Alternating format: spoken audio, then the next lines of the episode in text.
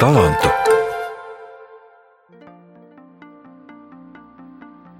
Šis darbs ir tāds skaists atvads no Rīgas. Tā par savām fotografijām, kurās iemūžināts Rīgas salas, teica fotogrāfs Kaspars Goba. Viņš ir dzimis cēsinieks, vairākus gadus Rīgā studējis žurnālistiku, bioloģiju un medicīnu, apgūvis fotografēšanu un kino producēšanu, ceļojis pa pasauli un redzēto fotografiju un rakstu formātā ir publicējis vairākos žurnālos kas par kontā ir arī fotoizstādes un filmas. Un tagad ar savām fotografijām Rīgas salas, kas skatāms bijušās tekstilu fabrikas Bolševička teritorijā, un novembrī tiks laistas klajā grāmatas izskatā, tas ir kopdarbs ar rakstnieci Gundagu Repši, viņš teica ar Dievas galvaspilsētai un savu darbību turpinās dzimtajās cēsīs. Tur bijušajā Rutskas mūžā, kas par skūrēs mākslas un rezidenču centru. Tik tālu īsts konspekts par Kaspara Gobas radošo dzīvi, taču, manuprāt, daudz aizraujošāk par viņa darbošanās pieturas punktu uzskaitījumiem ir stāsts, kā es intervēju Kasparu Gobu.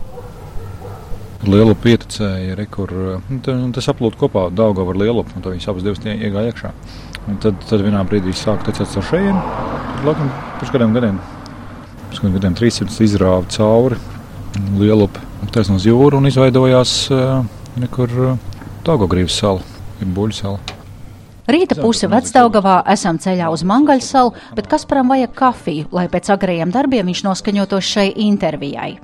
Tai pusē ir divi pārtikas veikali, kur var dabūt visādas spēcinošas dziras, taču kafijošanas vietu te neatrast. Braucot garām ostas teritorijai, pamanām uzrakstu Sporta bārs, un tur laipna kundze mums vēlīgi piedāvā uzlieto kafiju. Sēdam klubā ārpusē, un Kaspars savā telefonā rāda karti, kā Lielupas un Daugavas ūdeņi ir izvagojuši pierīgas teritoriju un izveidojuši salas. Viņš pamana, ka ir ieslēgts mikrofons un apklust. Nē, tā nav nekāda intervija. Jāpadzer kafiju, un tad jāizdomā sarunas plāns, un tikai tad varam sākt runāties pie ieslēgta mikrofona. Patiesībā šis jau ir otrais rauns, kad mēģinu intervēt Kasparu. Pirmā reize bija ķīpsalā, tad saruna nevedās. Nemāku par sevi runāt. Darbi, par kuriem tu vaicā, tā jau ir pagātne. Es tev labāk varu pastāstīt par traktoriem un siena presi. Tas man šobrīd ir aktuālāk. Nu, un tādā garā viņš turpina, līdz es saprotu, ka mikrofons ir jāslēdz ārā un nekādas atklāsmes no kas par gobas man neizdabūt. Vienojamies, ka aizsūtīšu viņam sagatavots jautājums uz ēpastu. Īsi pirms šīs kafijas pauzes Vecdaugavā Kaspars paziņo, ka mani jautājumi ir pārlieku gudri, tādi žurnāla Rīgas laiks garā. Es to uztveru kā milzu komplimentu, bet šī raidījuma tapšanai tas tomēr nepalīdz. Nu, es esmu tāds vienkāršs čalis, kas par taisnojas, uzdod man vienkāršus jautājumus. Es apspiežu sevī vēlmi nomušīt šo vienkāršo čali, kurš, manuprāt, ir desmit sarežģīto zvirbulēnu pasaules radīšanas hausa un cilvēku orķestra krustojums, un pacietīgi gaidu, kad Kaspars būs gatavs sarunai.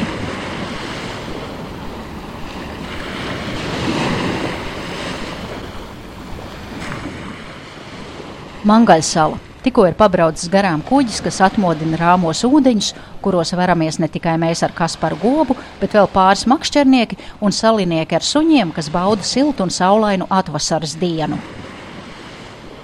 Tad nejūt varbūt to man liekas, tas spiediens nav tik liels no pilsētas nostas. Tad, tad cilvēki vecdāvā, Mangaļsalā un, un, un vecākos viņi nav tik iespiesti. Varbūt, tas sarunās viņu jūt tādu lielāku brīvību. Un, un, un, tev ir varbūt palicis vairāk no tās gara, no tām Rīgas nomaļa gara, un, un, un viņas funkcionē tomēr izteiktāk kā tādas autonomas vienības, salīdzinot ar citām salām, kur tomēr ir, ir cilvēki tā vairāk iespiesti.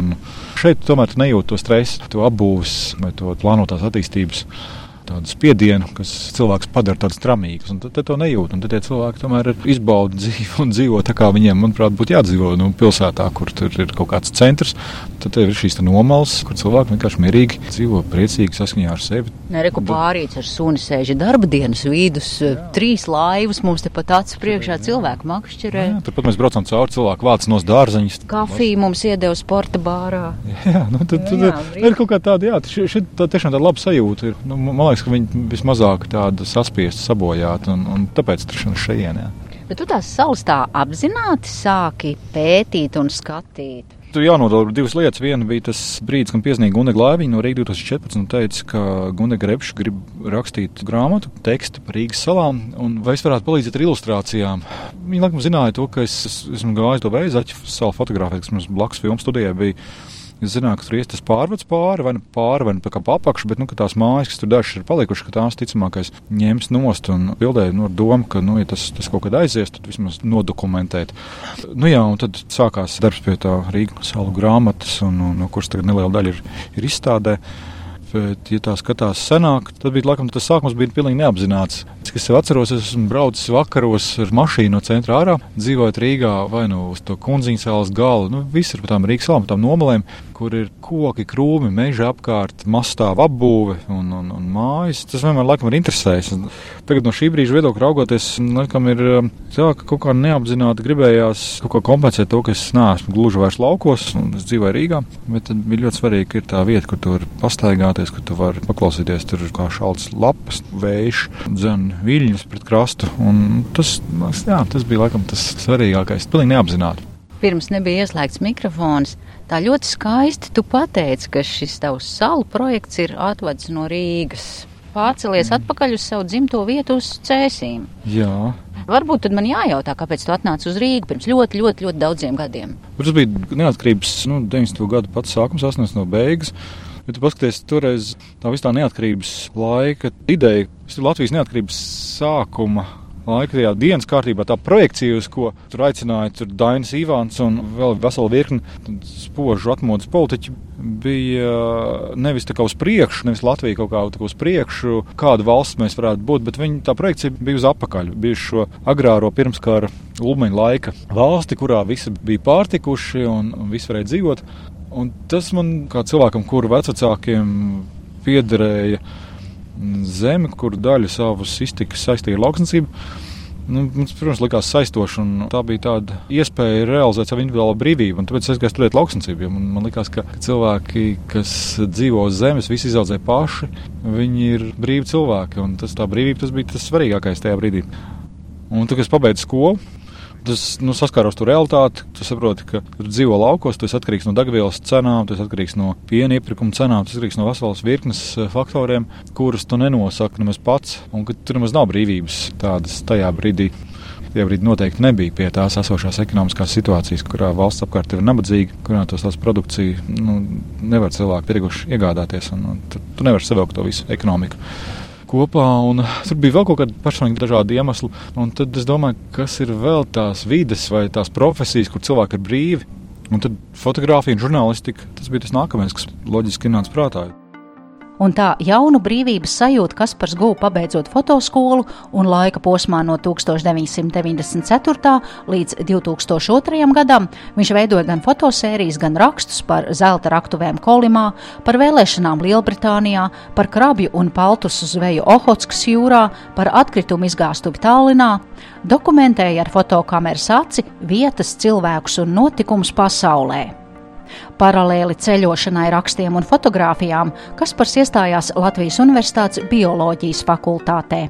Nu jā, es, es, es pabeidzu fotogrāfus, tad es iestājos biologos. Tas bija patiesībā paralēli. Man bija piedāvājums vidus studijā. Es jau pirms tam rakstīju Rīgas laikam, bija piedāvājums vidus studijā rakstīt scenārijus, dabas sižetiem un uh, dabas filmām. Un man liekas, ka man tā bioloģija ir vienkārši jāpielasa drusku klāt, lai es vienkārši būtu drusku izglītotāks un labāk saprastu to tēmu, par ko es grasos aprakstīt vai par ko gatavot sižetus. Un, un tāpēc es aizgāju, man nebija nekāda doma tur beigt bioloģijas fakultāti vai kļūt par biologu. Nē, pilnīgi nekādas. Tas tik ļoti neinteresēja viena specifiska nozara. Bet tā skola tik forša, tā fakultāte un, un cilvēki apkārt. Un tā ļoti ievilka, ka es tur pavadīju vesels piecus gadus jā, bioloģijas fakultātē.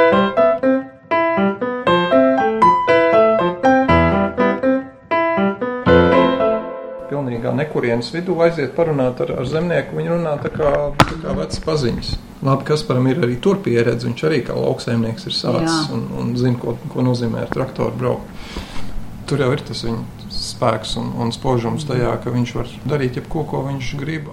Kas par laika biedrs un draugs no bioloģijas studiju gadiem ornitologs Edmunds Račīnskis viņu raksturo kā cilvēku orķestri un abrīno Kaspara spēju darba un izglītošanas procesā pievērsties kam jaunam, vienlaikus dziļi un pamatīgi un ar vieglumu. Kaspars ir ārkārtīgi interesanta un intensīva personība Jo viņš ir īpašs cilvēks tieši ar to, ka viņš atrod, manuprāt, daudz vairāk saskares punktu ar, ar dzīvi, ar cilvēkiem, nekā daudzi citi man pazīstami. Tā viņa intensitāte viņa interese un talants runāt ar cilvēkiem, būt sabiedriski rosīgam. Kaspars man vairāk ir pārsteidzis ar savu vispusīgumu, ar savu spēju iedziļināties jebkurā tēmā un jaunā tēmā. Ja viņš gribētu, viņš varētu arī ļoti smalki sīki aiziet kaut kādos putnu sīkumos, ja būtu tāda interese, ja būtu tāda vajadzība. Viņam ir ļoti daudz tēmu, viņam ir sociālās tēmas, viņam ir mākslas tēmas, viņam ir visi projekti, katrs par kaut ko citu. Tā ka, ja biologs tas nenozīmē uzreiz tādā klasiskā nozīmē, šauri specializējies vienā jomā. Es vienu brīdi mazliet vairāk specializējos ornitoloģijā. Kaspars ir unikāls ar to, ka viņš ir universāls. Viņš var apgūt jebko, ko viņam tajā brīdī, uz ko viņam tajā brīdī ir vērsta viņa uzmanība, par ko viņš tajā brīdī interesējās vai tajā laika posmā. Biologu izglītību nodara veidojot gan dokumentālās, gan izglītojošās filmas par dabu un vidi. Lūk, piemēram, šī 2004. gadā tapusī filma Engure jūras dāvātais ezers. Nav arī lielo zālēdāju lopu, kas uz viņām ganītos, jo, teiksim, pagājušā gadsimta 30. 40. gados pamatā šo, visu šo lielo ezeru piekrastes, kur bija šīs pļaus ganījās lopi, tad tagad šo lopu tur nav pļaus aizauga ar niedriem un kārkliem, un beigās šo, šīs pļaus vienkārši izzūd. Tā bioloģiskā izglītība transformēsies tādā veidā, ka mēs mūsu filmu studijā mēs, mēs vairāk esam tā tādi tulki starp biologiem un, un dabas aizsardzības speciālistiem un sabiedrības. Mēs mēģinām ielikt tās idejas, izskaidrot cilvēkiem saprotamā tādā valodā un izstāstīt, kāpēc, piemēram, Vietas palienā tiks atjaunot uh, upes agrākais tecējums un kāpēc Eiropas Savienība tur tērē tik liels naudas to visu. Jo cilvēki nesaprot, viņi domā, ka tās griezes vai ķikuti to naudu taču varētu labāk ielikt, piemēram, pensionāru fondā vai kur citur, jā, kas, kas arī ir svarīgi. Bet tas ir jautājums par prioritātēm. Man liekas, nu, ka Latvijā tā iespēja saglabāt tiešām unikālas un ietekmētas, taču netik, netik ļoti kā pārējā Eiropā dabas vērtības, ka tas ir ļoti svarīgi. Un, mēs pagaidām nu, nenovērtējam, pirms mēs neesam to zaudējuši, mēs nenovērtējam to, ka to vajadzētu saglabāt un, un atstāt pietiekoši liels tādas platības dabai, kur viņi var ritēt savu ierastu gaitu gaitu. Un tā ir tāda liela diskusija. Piemēram, cilvēki nesaprot, kāpēc ir kaut kāda meliorācijas grāvi, tur jārauk ciet mežos, vai, piemēram, mežnieki, kas ir stādījuši tās savas eglis, kā tādu lielu biešu lauku, tur sastādījuši, un tad viņi atcerās savā jaunībā, ka viņi tās eglis radījuši. Un tad atnāk kaut kāda, viņiem saka, tagad raksim grāvi ciet, likvidēsim tās meliorācijas sekas, un, protams, ka tā egla mirst vai viņa mirs. Un, Tās tādas lietas, kuras, kuras redzu savu pienesumu un ko es gribu darīt un ko man tiešām patīk. Pēc ganīšanas un pļaušanas aizlieguma pīļu skaits pieauga. Piemēram, Lielravas salā pirms lieguma likstoja 15 pīles, pirmajā lieguma gadā to skaits palielinājās līdz 80, bet sešu gada laikā sasniedza 164. Taču drīz pēc pētījuma sākšanas bija stāsts par Angūras ezeru likteni gan arī divu gadsimtu garumā, gan dabas aizsardzības vēsturi, gan saimnieciskās izmantošanas vēsturi. Un likās ļoti svarīgi parādīt cilvēkiem, vietējiem iedzīvotājiem, īpaši, kāpēc, kāpēc ir cilvēki, kas tik daudz laika velta un visu savu dzīvi un enerģiju, lai saglabātu kaut ko tik foršu un unikālu, kāds tas angurs ezers ir, tāds lagūnas tipa ezers. Mums ir daži, bet, protams, ka viņi visu laiku arī cieš no apkārtējo apdzīvoto vietu saimnieciskās darbības. Vai pēc tam tie vietējie angurieši, vai viņi noskatījās to filmu pēc filmas noskatīšanās, vai viņi saprata? Jā, daži, kas bija tādi ļoti, ļoti arī karojoši, kādreiz atceros, jā, viņi, ka, jā, ka tu tos cilvēkus vienā filmā kopā, kas varbūt dzīvē viens ar otru tikai rīvējās, vai, vai kā, bet viņi saliec kopā vienā filmā un saliec tos viņa argumentus, tad tas jau palīdz katram labāk saprast.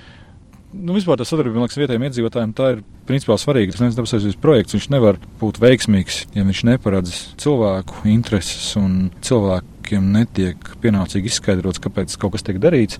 Ja tu nedabū atbalstu un nesadarbojies ar, ar vietējiem, tur es neticu nekām, nekādam, nekādām tādām represīvām, nu, nedarbojās.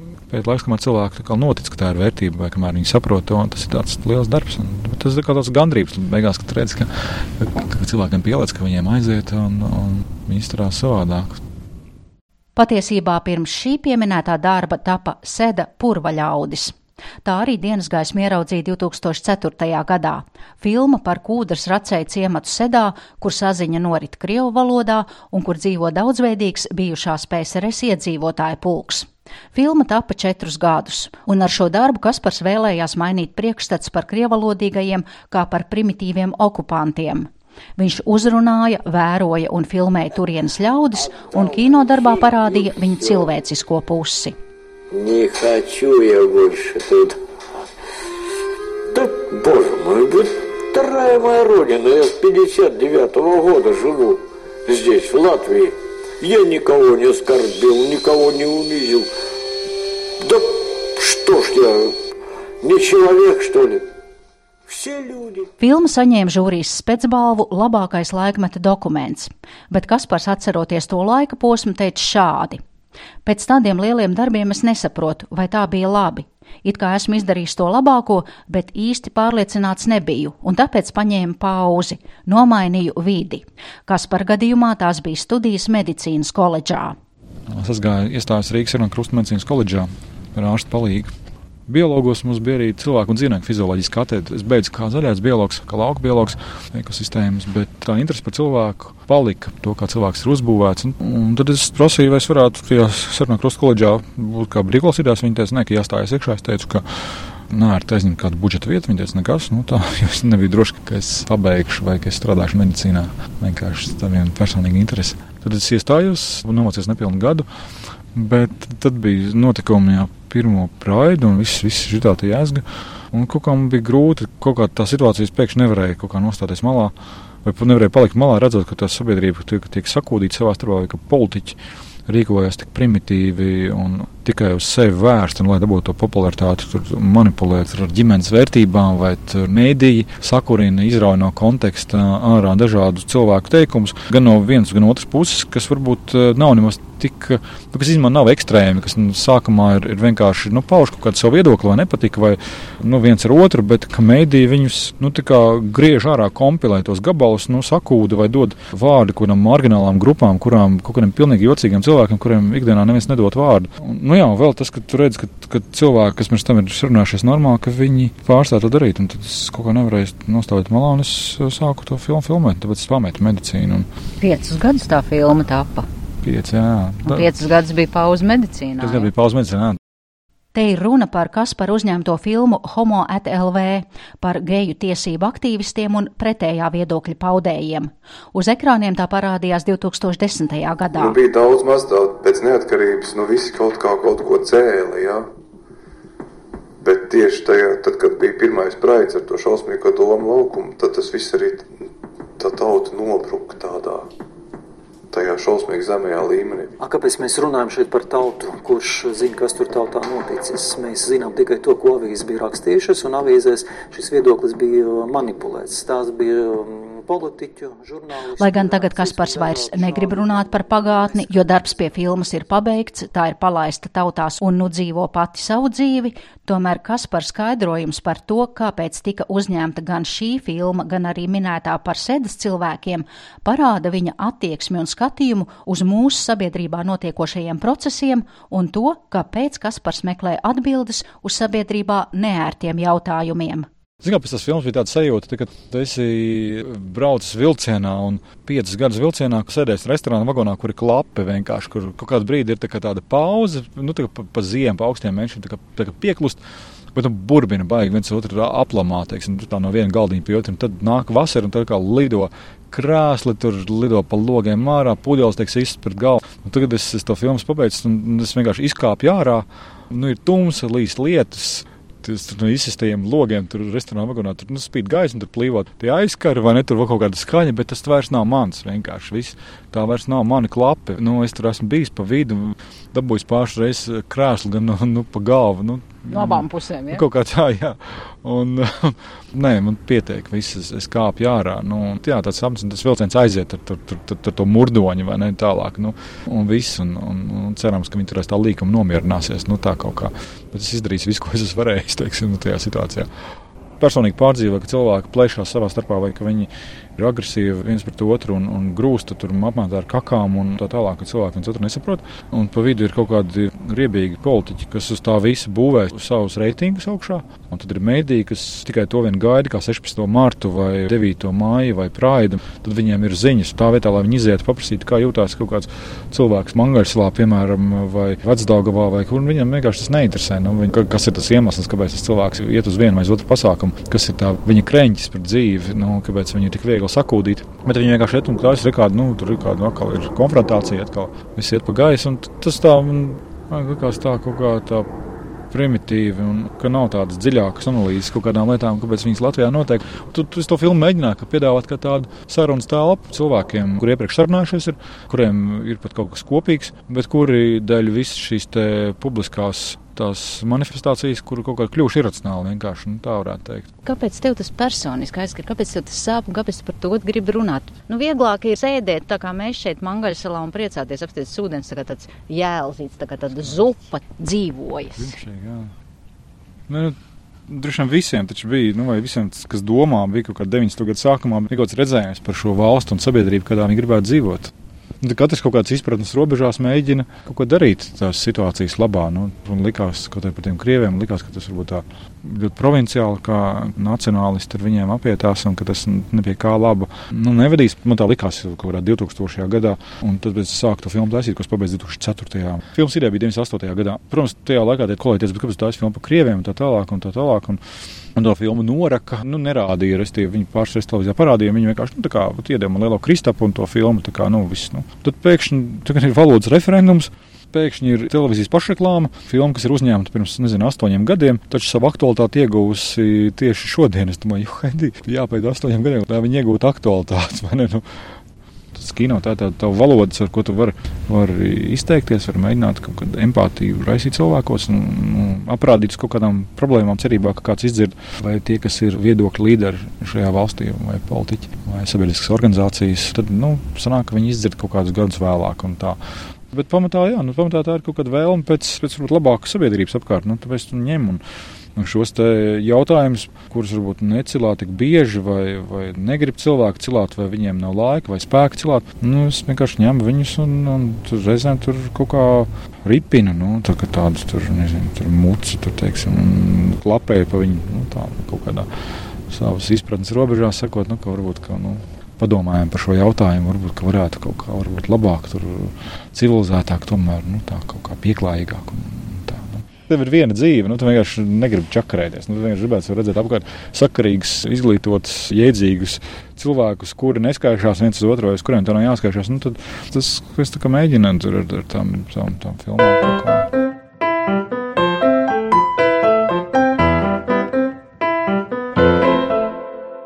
Pirmkārt, viņš strādā ar lauku māju savu, līdz ar to viņš dara tiešām zemes darbu, kas sniedz milzīgu gandarījumu tajā, ka tu redzi materiālu iznākumu savam darbam. Otrakārt, tā ir viņa tā mūža, kurā viņš rada cilvēkiem vidi priekš tā, lai rastos pozitīva enerģija. Un treškārt, viņš vienkārši vēl pamanās visam pa vidu glābt cilvēkus. Fiziski, tiešām vārda, tiešajā nozīmē glābt un strādājot tieši kā medicīnas personāls. Tas ir kaut kas neaptverams. Tā tik, tik daudz šautņainu personu. Kaspara vislielākā vērtība ir nevis tā viņa profesionalitāte, bet gan viņa daudzšķautņainā personība. Tā teica kino operators Valdis Celmiņš, kurš kopā ar Kasparu ir darbojies pie filmu uzņemšanas. Kasparam liekas, tā lieliskā īpašība, vis, vislieliskākā viņa īpašība ir tas, ka viņš, viņš nav saprotams līdz galam. Un, ja mūsdienās varbūt kaut kā arī tādā sabiedrībā, kur novērtē tikai to, ko tu esi sasniedzis. Mēs bieži vien neskatāmies, kādi tie cilvēki ir paši, kuri tās lietas, ko viņi sasniedz un kādā veidā viņi to noīsteno. Un, un Kaspars noteikti ir tas cilvēks, kur nerunājot par viņa sasniegumiem, viņa paša viņa personība, kā viņš līdz tiem sasniegumiem tiek, ir pilnīgi neizprotama un neizmērojama. Un tas arī ir tas, kas pievelk noteikti cilvēkus viņam apkārt. Es ļoti apbrīnoju viņa spēju jau brīdī, kad liekas, ka darbs ir pabeigts, viņu varbūt pat sabrucināt un sākt no jauna, un līdz ar to sasniegt varbūt maksimālo rezultātu. Redz, kā, kā operatoram ir savādāk, tu piedalies vienā no projekta tapšanas stadijām. Un tad pēc tā, kā viņš ir safilmēts, jau liekas, nu, ka tāds viņš apmēram arī izskatīsies. Un tad Kaspars savukārt ir tas, kurš vēl ilgi var domāt, kā var darīt savādāk, labāk, un beigās izmantojot savu milzīgo enerģiju, tomēr izsēdēt līdz galam, lai būtu tieši, tieši tā, kā viņš ir iedomājies, kā varētu būt viss, viss, vislabāk ar nenovērtējumu īpašību. Valda Celmiņa pieminētā cilvēku glābšana, ko veicis Kaspars, attiecas uz jau dzirdēto stāstu par medicīnas koledžu, kurā pēc piecu gadu darba pie filmas Homo ATLV Kaspars atkal atsāka studijas. Piezīmēja apkaļ koledžu, teica, es ļoti atvainojos, neesmu pie jums kādu laiku bijis, vai jūs varētu man paņemt atpakaļ. Un, nu, viņi bija tik jauki, ka viņi man paņēma atpakaļ. Un, Tā es divus pusgadus studēju medicīnu un uh, gāju stradiņā uz uzņemšanu. Nu, es darīju pilnīgi visu, lai, lai aizmirstu par to, ka es esmu to filmu taisījis. Vēl kādam nelabprāt braucu uz kinofestivāliem, kur viņi izrādīja. Un tā, un tad, uh, nu, jā, divas lietas. Patiesībā es re restaurēju vienu mašīnu, plānoju vienu mašīnu būs projektu, studēju medicīnu. Jā. Biju sevi atražojis un pēc medicīnas studiju beigšanas sāku domāt, ko es vēl te Rīgā daru. Sapratu, ka sociālo kino vairs negribu taisīt, un dabas filmas var veidot esot laukos, un tāpēc lūkojos, kurā virzienā varētu doties. Liktenis iegrozījās tā, ka mūžībā aizgāja Kaspar tētis un uz mammas pleciem palika lauku saimniecība cēsīs, tāpēc lēmums tika pieņemts ātri. Un nu Kaspars saimnieko vecāku mājās un paralēli tam darbojas netālu esošajā Rutskas mūžā, izvietojot tur gan savu filmu studiju, gan tapinot un uzturot mākslas un kultūras centru. Bet tad bija tā, ka es domāju par to Rutsku, varbūt uztaisīt kaut ko priekš citiem. Tad es kādu pusgadu domāju par to rezidenču centra koncepciju. Pagājušajā gadā pavasarī es teicu, ka jā, mēs ņemam to ēku apsaimniekošanā, Tā es kaut kādu pēdējo gadu esmu remontējis, vadījis remontdarbus, ņēmies ar to, lai izbūvētu to par vietu, kur mākslinieki, fotografi un kino ļaudis varētu strādāt pie saviem projektiem. Vienkārši mēs izbūvējām. Izbūvējām vietu, kur līdzīgi kā kādreiz karostā, kur var notikt dažādas mākslas un kultūras aktivitātes, kur cilvēki var braukt, dzīvot un strādāt pie saviem projektiem. Un tas kaut kā tas iet paralēli. Teiksim, tā Rutskas mākslas rezidences centrs, filmas, un, uh, un lauksnicība. Patiesībā, ja to visu tā ļoti labi saplāno, tas tev neprasa galīgi daudz laika gadā. Tev ir siena laiks, kas ir pāris nedēļas, kurās tev ir vienkārši jānopļauj, jāizžāvē un jāsapresē sienas. Un viss, nu, un tev, tev ir pārējā laikā, tu vari nodarboties kaut ko citu, nu, filmē vai fotografē, uz Rīgas salām. Tagad salu attēli un skaņas ir iemūžināts jau pieminētajā izstādē Rīgas salas, bijušajā tekstilu fabrikas ēkā ganību dāmbī 30. Tā viena lieta, ko tu redzi bildē, bet otra lieta, kas uh, nāk aiz bildes, ko tu neredzi, bet kas skan. Piemēram, varbūt pēc gadiem cilvēki varēs analizēt kuģus dažādus, kādi ir uh, tajā brīdī bijuši Rīgā vai kāda ir bijusi industrija, vai kādas ir bijušas putnu sugas vai kukaiņu sugas. Dzirdams, varbūt kaut kas būs mainījies. Un varēs tas tāds, tāds vēstures dokuments, gan vēstures, gan mākslas dokuments. Kāpēc šeit, Bolševičkā, bijušajā pamestajā fabrikas telpā? Nu, šeit arī ir sala bijusi kādreiz. Tas grāvs, kas tur tālāk iet, un tad ir Te ir bijis tādi kanāli, kur pieved klāt ogles, lādē ārā. Tur bija ūdens satiksme, nevis no, noliktās baržas ir nākušas iekšā. Tā ir pussāli faktiski. Nu, ir tagad eh, kaut kur Duntas iela, ja? Jā, jā, jā. jā. Nu, tur aiz, aiz tur redz tas eh, grāvs, kas ir aiz skāja, tur ir pat tur ir nākušas baržas iekšā. Šobrīd tikai grāvs ir. À, aiz skajana morja, jā, jā, jā, jā. Nu, tas iznāk iepratīm traumatoloģijas institūtam. Jā, jā, jā, jā, jā, jā. Un, un šī ir arī bijusi slapi aplūstoša vieta kas vienkārši ir apbūvēta. Dabiski tie cilvēki, kas tur dzīvojuši, vai ganījuši govs, vai bijuši kādas zvejas, varbūt zvejnieki ciemats, tas viss ir izvākts no šejienes ārā. Tad ir uzbūvēta milzīga fabrika, teksto fabrika. Industrija ir teikt, pieprasījusi savu vietu. Un šobrīd pēdējos gandrīz 20 gadus, kā visa industrija Baltkrievijā vai Ķīnā, visas iekārtas ir. Un viss šis tāps stāv tukšs, šī, šī milzīgā ēka. Un tas man liekas tāds simbols tam, ka tu izmet ārā vai izstum ārā vietējos iedzīvotājus kaut kādu gadsimtiem ilgi izveidošos dzīvesveidu, kaut kāda tāda mirkļa vai īstermiņa šķietamas peļņas vai labumu vārdā, un pēc tam ekonomikā, pasaules ekonomikā kaut kas mainās, un, un viss, un te mēs redzam vienkārši milzīgas tukšas ēkas, tādu degradētu ainavu, tādu ķieģeļu kaudzes, un tā, man liekas, ka tāda laba vieta. Patiesībā tādā izstādē bija, un tad tajā brīdī, kad Solvita Kreisna Lanknīgās mākslas centra piedāvāja šeit izstādīties, viņas, protams, teica, jā, ka viņi ļoti, ļoti labi dara ar visu to salu, salu izstādi, to salu projektu kopā. Izskan raidījums, kurā dzirdējāt sarunu ar fotogrāfu, kino režisoru un operatoru Kasparu Gobu, un raidījumā tika izmantoti fragmenti no Kaspara Gobas filmām Engure jūras dāvātais ezers, Sēda purvaļaudis, Homo ETLV un Anits Vanagas veidotās skaņu ainavas no izstādes Rīgas salas. Raidījumu veidoja Zāne Lāce. Viena Rīga, daudz talantu.